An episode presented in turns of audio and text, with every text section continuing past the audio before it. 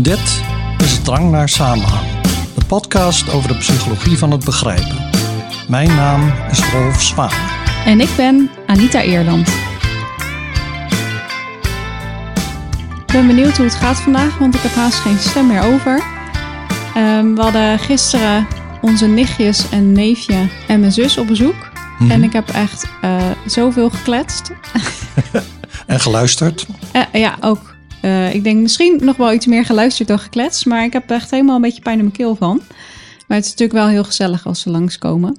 En ik vond het ook wel leuk dat ze dan eh, blijven logeren. Want ze Mhm. wonen natuurlijk best wel eh, ver weg. Ze wonen in Limburg. Maar ze hebben wel Rotterdamse roots. En wat dan heel grappig is, is dat mijn vader, dus de opa van onze nichtjes en neefjes, die heeft de kinderen wat Rotterdamse uitspraken geleerd. En dan zeggen ze dat met een licht Limburgs accent. Ja, toch? Dat is echt super schattig. Ja, ja dat, eh, ik heb er een kleine meme van gemaakt, maar we zullen het niet overgebruiken in, in deze aflevering. Nee, maar dit Maar- was dus ons kleine neefje Ja, van drie, die met een zachte G ja toch Ja. zegt. ja, je zegt ook nog andere dingen, maar ehm, Ja, maar Ja, die kunnen we echt niet in de... nou ja, ook omdat eh, die niet de zachte G, er zit geen G in. Dus, Dus dat is minder leuk. Ja, en deze is heel schattig. Ehm, maar goed, daar gaan we het natuurlijk niet over hebben. Waar gaan we het wel over hebben vandaag? Nou, we gaan het hebben over dingen zoals de carbon footprint. Iedereen weet natuurlijk wel wat dat is, ecologische voetafdruk. Dat is een manier om te berekenen hoeveel CO2-uitstoot een bepaalde activiteit oplevert. En zo kan je dus zien in welke mate jouw manier van leven bijdraagt aan klimaatverandering en waar je mogelijk nog kunt eh, bezuinigen op je voetafdruk. Mhm. En er zijn online allerlei tools voor om eh, je carbon footprint eh, te berekenen. Ehm, heb jij dat wel eens gedaan? Nee, nee. Ik heb dat wel eens een keer gedaan, maar er zijn maar heel, be- heel beperkte activiteiten die je kan selecteren. Dus als je echt een idee wil krijgen van jouw afdruk, dan moet je op zoveel dingen letten. Ook bijvoorbeeld hoeveel e-mails je verstuurt en of die dan grote bijlagen hebben en zo. Dat soort dingen zitten er Oh, niet dat altijd klinkt bij. als heel veel werk. En, en de vraag is eigenlijk, is dat wel nodig om dat allemaal te doen? Mhm. Want vandaag bespreken we een artikel, eh, het staat in de show notes, van eh, twee psychologen, bekende onderzoekers ook, die beweren dat er een loopje eh, met ons wordt genomen met dingen zoals de carbon footprint. Want de verantwoordelijkheid wordt bij ons gelegd als individuen, in plaats van bij de grote bedrijven waar die hoort te liggen. Dus wij zijn allemaal druk bezig met het scheiden van ons afval. En sommige van ons vliegen minder of helemaal niet meer. Maar de bedrijven vuilen erop los. En gedragswetenschappers helpen daarmee. Dat is eh, eigenlijk het idee eh, van, van deze studie. En voordat ik hem gelezen had, ik had alleen nog maar mm, de eerste paar zinnen gelezen, moest ik denken aan het begin van de Obama-regering. Want eh, de First Lady, dus dat was toen Michelle Obama, Mhm. die heeft altijd een eigen programma. Met, of een eigen onderwerp. Hè? Dus Laura Bush, de vrouw van George W. Bush, was bibliothecaresse. Toen, dus toen was lezen het onderwerp. De vrouw van Donald Trump had bullying als onder, onderwerp. Oh, dat Wat wist een ik niet beetje eens. ironisch was. En, eh, maar Michelle Obama die had obesitas als onderwerp. Sorry, maar het klinkt net alsof je zei... Michelle Obama had obesitas. Nee, nee, nee. Als nee, dat is toch onderwerp. een slanke vrouw. Ja. Nee, ik bedoel, ehm, zij had dat als onderwerp. En eh, het was zo dat in die tijd er plannen waren om een zogenaamde sugar tax in te voeren. Dus Mhm. Eh, hogere belasting op eh, frisdrank en dat soort dingen. En dan eh, ook de meer de nadruk op sporten en zo. En dat zou het, het plan worden. Maar toen kwam er dus heel veel druk van de frisdrankindustrie om niet een sugar tax in te voeren. En er werd van alles bijgehaald. Het zou oneerlijk zijn ten opzichte van bepaalde mensen en zo. Mhm. Dus dat werd eigenlijk tegengehouden. En toen ging dus de nadruk liggen op eh, meer oefeningen doen en zo. Dus, en dat is eigenlijk in een notendop waar we het hier over gaan hebben. Dus die sugar tax, dat is dan wat de onderzoekers in dit artikel noemen een S-kader. Dus een kader van het systeem. Hè, je voert een belasting in. En het eh, nadruk leggen op eh, sporten en zo, dat is ehm, de nadruk leggen op het wat zij dan noemen het I-kader, het kader van het individu, dus het I-kader zouden wij zeggen. Mhm. In het Engels dus S-frame, I-frame. Ik heb nog even gecheckt of wat ik nu net verteld heb wel klopt, want ik baseerde dit op mijn herinnering van, nou ja, weet ik hoeveel jaar geleden. Maar ik vond inderdaad een artikel eh, in de Los Angeles Times, wat ook in de show notes staat, waarin dus inderdaad beweerd wordt dat de frisdrankindustrie druk had uitgeoefend. En, dus, eh, en uiteindelijk werden ze een partner en dan gingen ze dus reclame maken voor water. Wat dan ook door Coca-Cola werd geproduceerd. Hè? Dasani was dat merk. Maar de nadruk werd dus gelegd niet op de systemische uh, aanpak, maar op de verantwoordelijkheid leggen bij het individu. Ja, als ik me goed herinner, richtte zij zich vooral op scholen. Ja. En nou ja, dus eigenlijk op scholieren. Mhm. En dan zou je kunnen zeggen, je moet al die frisdrankautomaten weghalen op scholen. ja. Maar dat gebeurde dus niet. In Nee. plaats daarvan gingen ze extra gimmel of zo. maken, eh, maken of zoiets, bij wijze van spreken. Ja. En ehm, ja, dus, het, dus dat is het idee wat deze, de auteurs van dit artikel aan de kaak stellen. Er moet iets veranderen en het zou het meest efficiënt zijn om dit op systemisch gebied te doen. Dus de, het S-kader. Maar bedrijven weten het zo te draaien dat alle aandacht gaat naar het veel minder effectieve I-kader. En Ja. zo blijven ze zelf buiten schot. En dus eh, gedragswetenschappers, dus de collega's van deze auteurs eigenlijk, en van ons, die laten zich onwetend voor het karretje van de industrie eh, eh, spannen. Ja, want- door te focussen op het individu in plaats van op het eh, systeem. En wat wel goed is, denk ik, om te benadrukken, is dus dat eh, de auteurs van dit artikel zelf, je zei al, hè, het zijn zelf ook gedragswetenschappers. En zij hebben zelf dus ook heel veel onderzoek gedaan naar aanpassingen op het niveau van het individu om grote maatschappelijke problemen op te lossen. Dus zij zien zichzelf ook als deel van ehm, ja, dat, die focus van onderzoek. Ja. Dus kijken naar individuen. Hoe kun je mensen nu tot verandering eh, aanzetten om grote problemen op te lossen?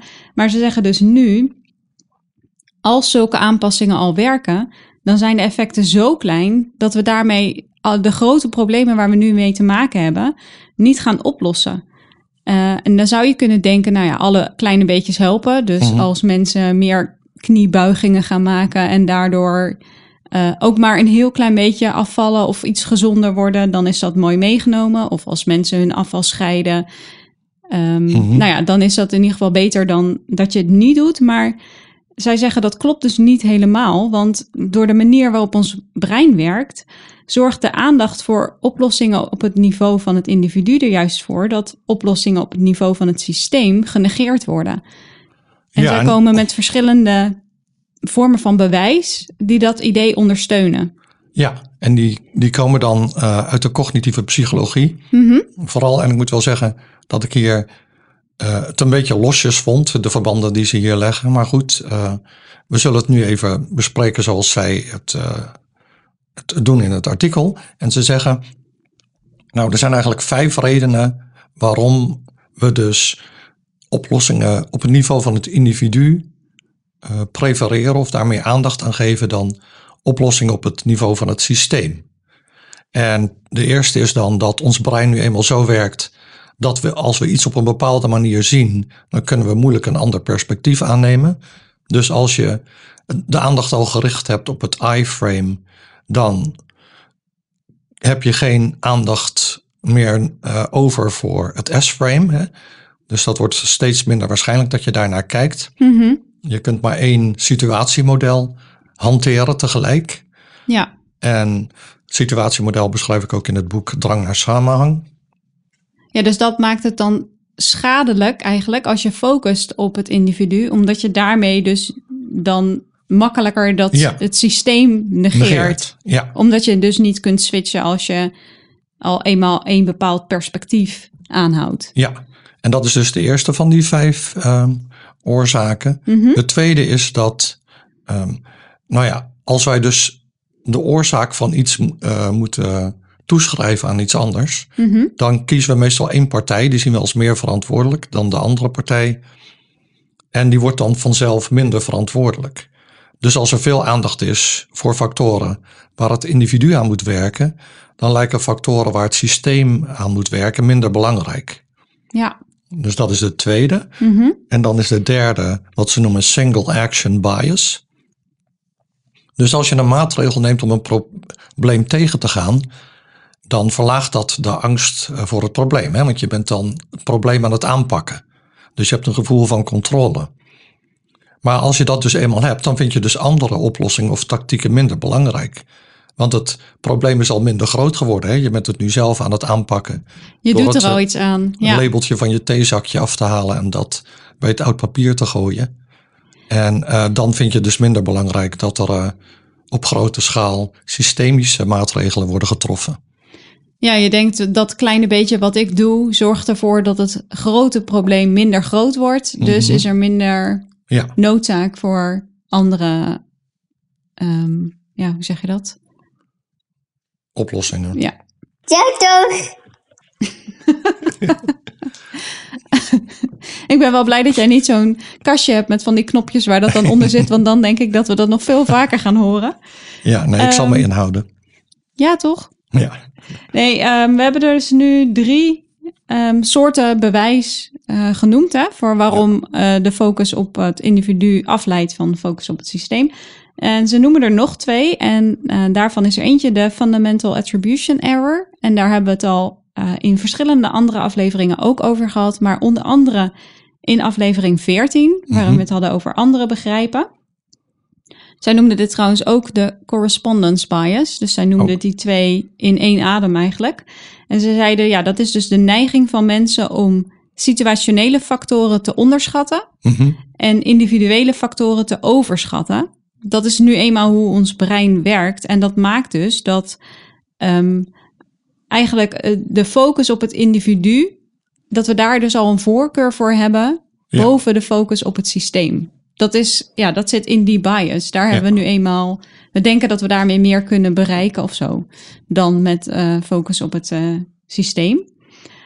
En de laatste is ehm, ja, mensen alleen attent maken op een ingreep op het niveau van het individu. Dus bijvoorbeeld eh, een nudge voor groene energie geven. Maakt dat ze minder openstaan. Dus minder eh, steun ehm, ja, hebben voor ehm, een breder beleid. En ze zeggen dat dat komt misschien omdat mensen dan onterecht geloven dat het probleem ook opgelost kan worden zonder ingrijpende en dure maatregelen. Dus als we allemaal nu ehm, iets minder vliegen, iets minder vlees eten en ons afval netjes scheiden, dan is het misschien niet nodig om eh, op grote schaal extra belasting in te voeren ehm, of heel veel geld uit te trekken voor ander beleid. Dat is, dat is het Ja. idee. Dus als we allemaal een klein beetje doen, dan hoeven we niet heel rigoureuze dingen te gaan veranderen. Want ja, verandering roept altijd weerstand op. Eh, Ja. Zeker als het van bovenaf wordt eh, opgelegd. Nou, je Dus- zag dat trouwens ook bij het co- coronabeleid natuurlijk. Mm, Dus dan Mhm. waren ineens winkels verantwoordelijk voor de handhaving van bepaalde Ja, maatregelen. de horeca, weet De ik horeca, nog. Dat ze dan wel open mochten, maar er moest zoveel ruimte tussen zitten. En ze, ze, ehm, ondernemers kregen dan niet de ehm, nodige steun Mhm. om die maatregelen uit te voeren. Klopt, dat moesten ze ja. dan maar zelf doen. Ja. ja dat, wer dat werkte inderdaad niet zo goed. Maar ehm, ja, het is dus zo dat eh, de focus op wat een individu kan doen, eh, kan steun voor bredere maatregelen dus eh, ondermijnen. En in het verleden was het zo dat resultaten uit wetenschappelijk onderzoek eh, op het niveau van het individu, die werden gebruikt om beleid te maken over systemen. Maar nu wordt er eigenlijk meer beleid gemaakt op het niveau van het individu, omdat dat wordt gezien als meer direct dan Ja. via het systeem. Ja, en dat is eigenlijk eh, in principe niet zo dat je om een probleem aan te pakken moet kiezen tussen een van die twee frames.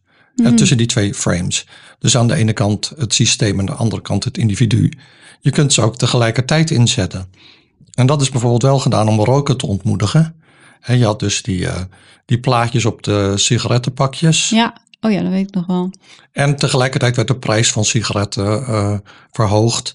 En het roken op bepaalde openbare plekken, of nou alle op een bepaald moment, werd verboden. Nou, nog niet op het terras. Nog niet op het terras. Nee, Maar wel ja. veel op werkplekken. Nou en, ja, eh, ik- ik weet, ja, bij ons op de universiteit had je eerst stonden, had je nog binnen het gebouw waar ik werk had je een speciale kamer voor rokers. Ja, dat was een, een soort. eh, rookhok, ja. dat, ja, dat was een, een soort een walmkamer. En eh, andere mensen stonden buiten voor het gebouw te roken in de kou. Ehm, en toen verdween de rookkamer. En later verdwenen dus ook de mensen. Nou, misschien verdwenen de mensen niet zelf, maar in ieder geval. Er werd niet meer gerookt voor het gebouw. En nu moet ik zeggen, ik zie helemaal nooit iemand roken. Ja, dus af en toe op een terras misschien, maar Ja, ik dacht al op de campus, die is waarschijnlijk rookvrij gemaakt. Want dat Ja. zie je, hè. ze hebben schoolpleinen, maar volgens mij ook campussen van universiteiten rookvrij gemaakt. Ja. En ik zie verder eigenlijk ook weinig mensen roken. Ik- maar op heel veel ja. plaatsen mag het dus ook niet meer. nee, nee, dat klopt. Dus, dus dat zien deze auteurs dan als een succesverhaal. Ja, dus je, ehm, je combineert die twee kaders. Systeem en individu. ja, en toevallig zag ik daar vandaag, omdat het, eh, nou, nu we dit opnemen is het 1 oktober. Mhm. Dus eh, deze maand is dan ehm, tien jaar geleden voor het eerst uitgeroepen tot eh stopto stoptober. ik krijg het al. Ja, De broer van Ronnie Tober. ik krijg het amper mijn mond uit, maar goed. Ehm, tien jaar geleden zijn ze daarmee begonnen. Dus een campagne om mensen in oktober te laten stoppen met roken. Mhm. Ehm, en in dat artikel eh, stond op ad.nl, ik zal ook de link in de show notes zetten, zeiden ze dat ehm, sinds de invoering van die campagne 600.000 mensen zijn gestopt met roken door Ja. die campagne. En dat artikel gaat dus in op hoe mensen elkaar kunnen helpen om te stoppen met roken. En, maar ze stellen ook dat als het niet lukt, dus met zo'n campagne of met van die pleisters of steun uit de omgeving, weet je wel, als je bijvoorbeeld samen stopt met iemand anders, Ja. dat dan eh accijnsverhoging wellicht kan helpen. En wat ik dus wel leuk vond, was dat ik dat vanmorgen las, maar dat hierin dus ook de inzet van beide systemen wordt besproken. Dus je kunt zowel het individu helpen om te veranderen, als van bovenaf iets eh, doen aan het systeem. En je kan natuurlijk wel op beide eh, frames of kaders inzetten in theorie, maar in de praktijk is dat best wel lastig, want onze bronnen zijn beperkt. Dus je kan niet te veel inzetten of heel veel inzetten op verschillende maatregelen. Je, er, je hebt maar een beperkte hoeveelheid eh, tijd ehm, en Geld. En dat is niet alleen zo voor de het invoeren van die maatregelen, maar ook voor het onderzoek daarnaar. Dus Ja. als jij tien maatregelen inzet, dan wil je van alle tien weten of ze effectief zijn of niet. Ja. Dus dan moet je die tien maatregelen onderzoeken. En dat kost natuurlijk veel meer tijd en geld dan wanneer je er één of twee hebt. Ja, en, en, en dan is het eigenlijk wel ironisch dat iets wat natuurlijk wetenschappelijk heel goed is, randomized control trials, hè, de manier waarop bijvoorbeeld medicijnen worden getest, hè, de effecten ervan, Ja, eh, dat dat de enige goede manier is om het effect van een maatregel te onderzoeken. Want dan stuur je eigenlijk al aan op een iframe. Hè? Want je kunt alleen maar individueel gedrag onderzoeken met randomized control trials. En niet de effecten van hele systemen. ja. Dus het ironische effect daarvan is dat je dus aanstuurt op een benadering van het probleem die eigenlijk minder effectief is. Ja. ja, dat is waar. Dat is wel een goed punt. En er zijn natuurlijk veel mensen die willen helemaal niet dat zo'n S-frame gebruikt wordt. Hè? Ik zei al in het voorbeeld van Michelle Obama. De frisdrankindustrie, Coca-Cola wilde helemaal niet. En McDonald's wilde helemaal niet dat er een sugar tax zou komen. Nee, natuurlijk En niet. uiteindelijk zijn de Amerikanen ook alleen maar dikker geworden. En dus dat hele gedoe van Michelle Obama heeft eigenlijk helemaal niet gewerkt.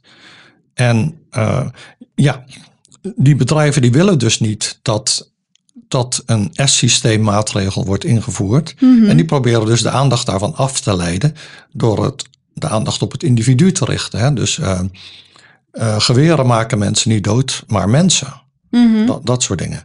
Oh ja, dat is ook wel een goede trouwens. Ja. Dus ze leiden de aandacht bewust af van het S-kader. Ja. En dat is al jarenlang zo. En vanuit eh, de public relations is er veel aandacht voor wat een individu allemaal kan doen. En eh, om problemen aan te pakken. En dan hoeft er eigenlijk verder weinig te veranderen. Ja. Dus en die auteurs die, van dit artikel die zeggen dan wel van... eh, ja, we zeggen niet dat die I-kader interventies niet moeten worden gedaan of uitgevoerd. Of dat er geen onderzoek naar moet worden gedaan. Maar je moet je er wel bewust van zijn dat de effecten best wel klein zijn. En dat het dus eigenlijk veel beter is om systemen te veranderen. Nou ja, en dat bespreken ze dan in het kader van een aantal voorbeelden. Sommige zijn een beetje te veel toegespitst, misschien op de Amerikaanse situatie. Um, dus we richten ons hier meer op de, de gevallen die, denk ik, ook in Nederland wel uh, centraal staan. Ja, dus we gaan het niet hebben over de gezondheidszorg of de pensioenen in Amerika. Nee. Maar bijvoorbeeld wel over de carbon footprint. Daar hebben we het natuurlijk al kort even over gehad. Maar wat ik niet wist, is dat dus uh, eh, BP, dat mm -hmm. uh, tankstation, nou ja, niet het station, maar dat bedrijf erachter, ja. um, dat die dus um, die carbon footprint eigenlijk in het leven hebben geroepen als strategie um, om af te leiden van hun eigen aandeel in de klimaatverandering. Dus ja, zij hebben op een of andere manier, en eigenlijk is dat natuurlijk super slim van hun, uh, het, die carbon footprint in het leven geroepen om mensen bewust te maken van hun eigen bijdrage aan de klimaatverandering. En gedragswetenschappers die zijn uh, ook met dat idee aan de haal gegaan. Die hebben dus onderzocht, ja, op wat voor manieren kun je um, eigenlijk groene nutjes, dus um, ja, hoe zeg je dat? Nutje, ja. Ja, iemand zachtjes de goede kant op duwen. Ja, hoe, hoe je die het beste kunt implementeren om dus mensen te helpen om hun gedrag uh, te veranderen. Dus bijvoorbeeld um, om het energieverbruik van mensen omlaag te krijgen, zou het dan kunnen helpen om mensen te laten zien wat hun buren verbruiken bijvoorbeeld. En dan kun je dat mhm. vergelijken en uh, dan zie je misschien, oh, onze, er zijn altijd wel buren die minder verbruiken natuurlijk. En dat zou jou dan aanzetten om je eigen verbruik ook um, naar beneden bij te stellen. Om mhm. daar beter op te letten. En volgens mij hebben wij dat ook op die toon zitten. Dat is, dat is een aantal jaar geleden ingevoerd. Dan kun je zien van uh, vergelijk energieverbruik. Maar ik moet zeggen, dat ding doet het de helft van de tijd niet. Dus ik heb daar eigenlijk nooit naar gekeken. Maar dat is wel zo'n voorbeeld van zo'n nudge die dan gebruikt wordt om mensen hun gedrag te laten veranderen. En dat komt dus, die hele carbon footprint dinges, van BP. Ja. En dan lijkt het dus alsof uh, eh, BP goede bedoelingen had en zich echt zorgen maakt om het klimaat. Ook andere bedrijven zijn met dit idee aan de haal gegaan. Maar um, ja, er is dus wel serieuze twijfel over of we met al die kleine nutjes en gedragsverandering op het niveau van het individu um, het klimaat gaan redden. Of nou ja, eigenlijk is daar niet echt veel twijfel over. Want dat, gaan, dat gaan we niet redden.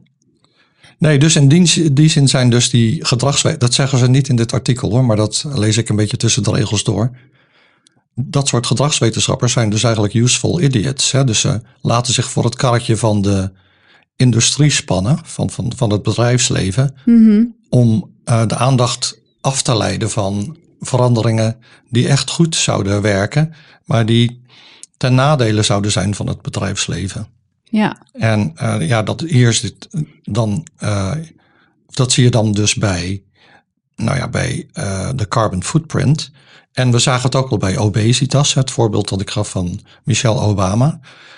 die dan wel natuurlijk goede bedoelingen heeft. nog steeds is ze daarmee bezig trouwens. Dus ik geloof dat ze een nieuwe frisdrank aan het ontwikkelen is zonder suiker of zoiets. Um, las ik Samen gisteren. met Coca-Cola zeker, of niet? ik weet het niet, ik weet het niet.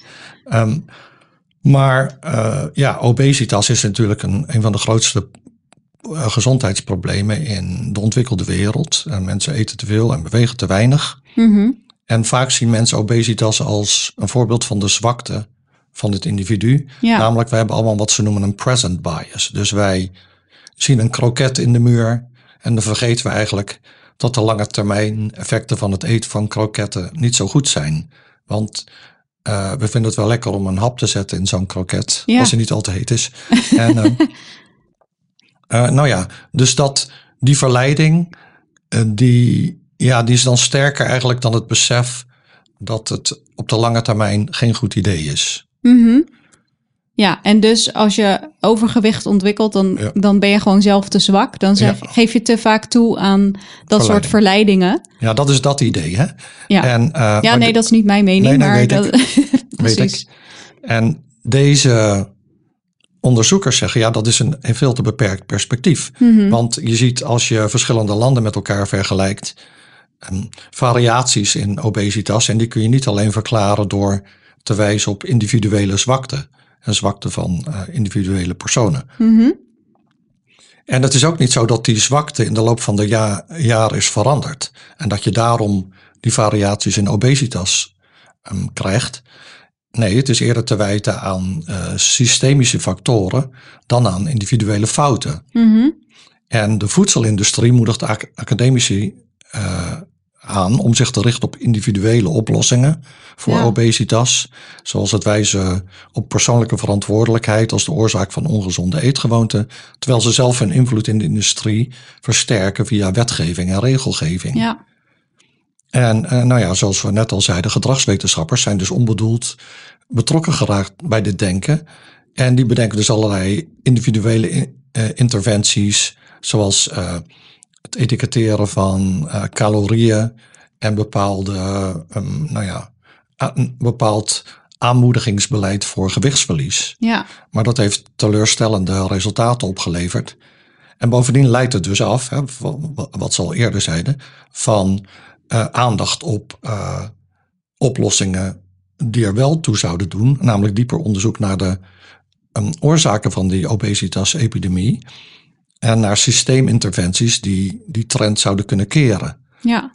Het is natuurlijk ook zo dat al die eh, aanpassingen of interventies op niveau van het individu relatief goedkoop en eenvoudig Ja. zijn. Dus Ja. dat maakt ook dat het aantrekkelijk lijkt om te kijken of te, om te, onderzoeken of je op die manier eh, grote problemen kunt aanpakken. Maar Ja. eigenlijk weten we dat dat niet werkt. Nee, niet alleen werkt. Hè? Je, dat er echt een verandering van het systeem nodig is. En daar ja, zijn bedrijven denk ik heel handig in geworden om eh, daar de, de aandacht van eh, af te leiden. Ja, want ze geven dus impliciet de schuld aan het individu. Hè. Die zijn niet in staat om zich te verzetten tegen bepaalde krachten.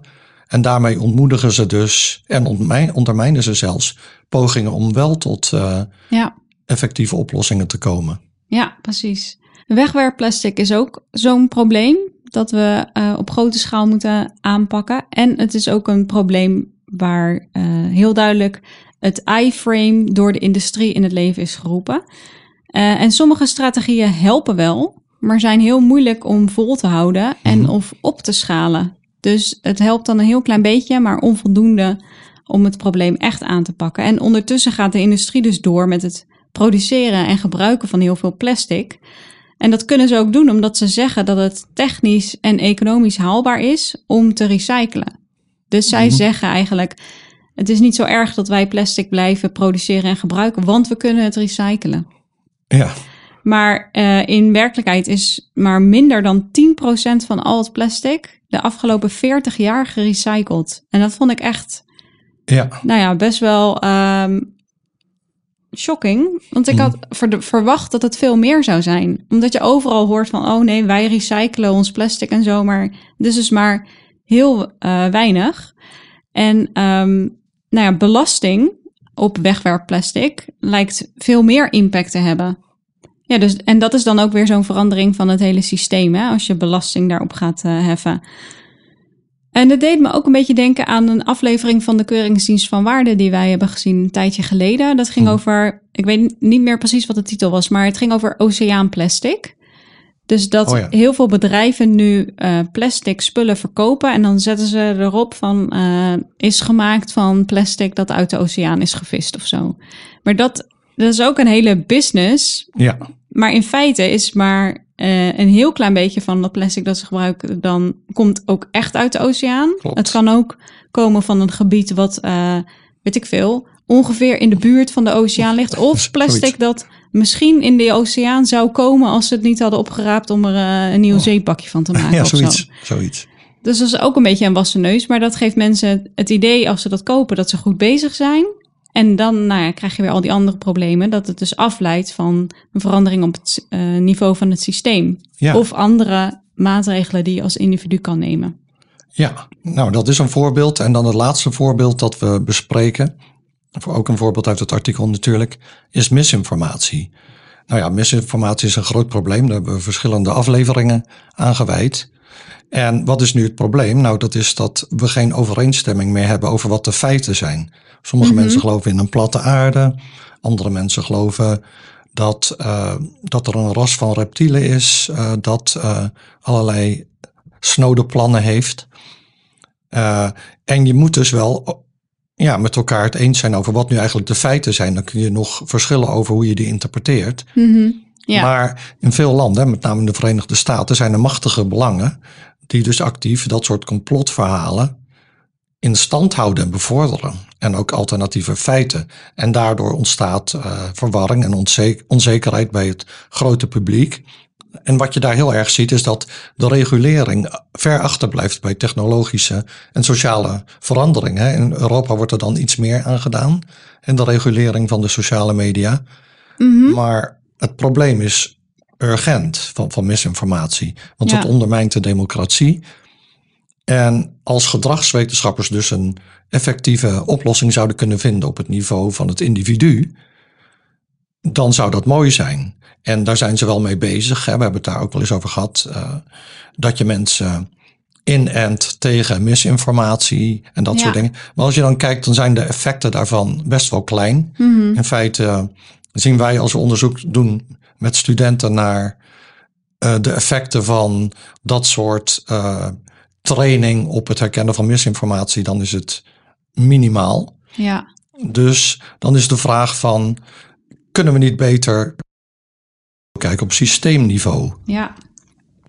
En ja, dat is dan zeker nodig, maar dan moet je dus drastisch de wetgeving omtrent uh, sociale media verstrakken. Ja, maar Ja. en die partijen zijn zo machtig. Ja, Die willen dat natuurlijk niet. Dus die gaan alles in het werk stellen om dat tegen te gaan. en ik snap zelf niet, maar goed, dat is, staat los van het artikel, dat is meer een persoonlijke uh, mening.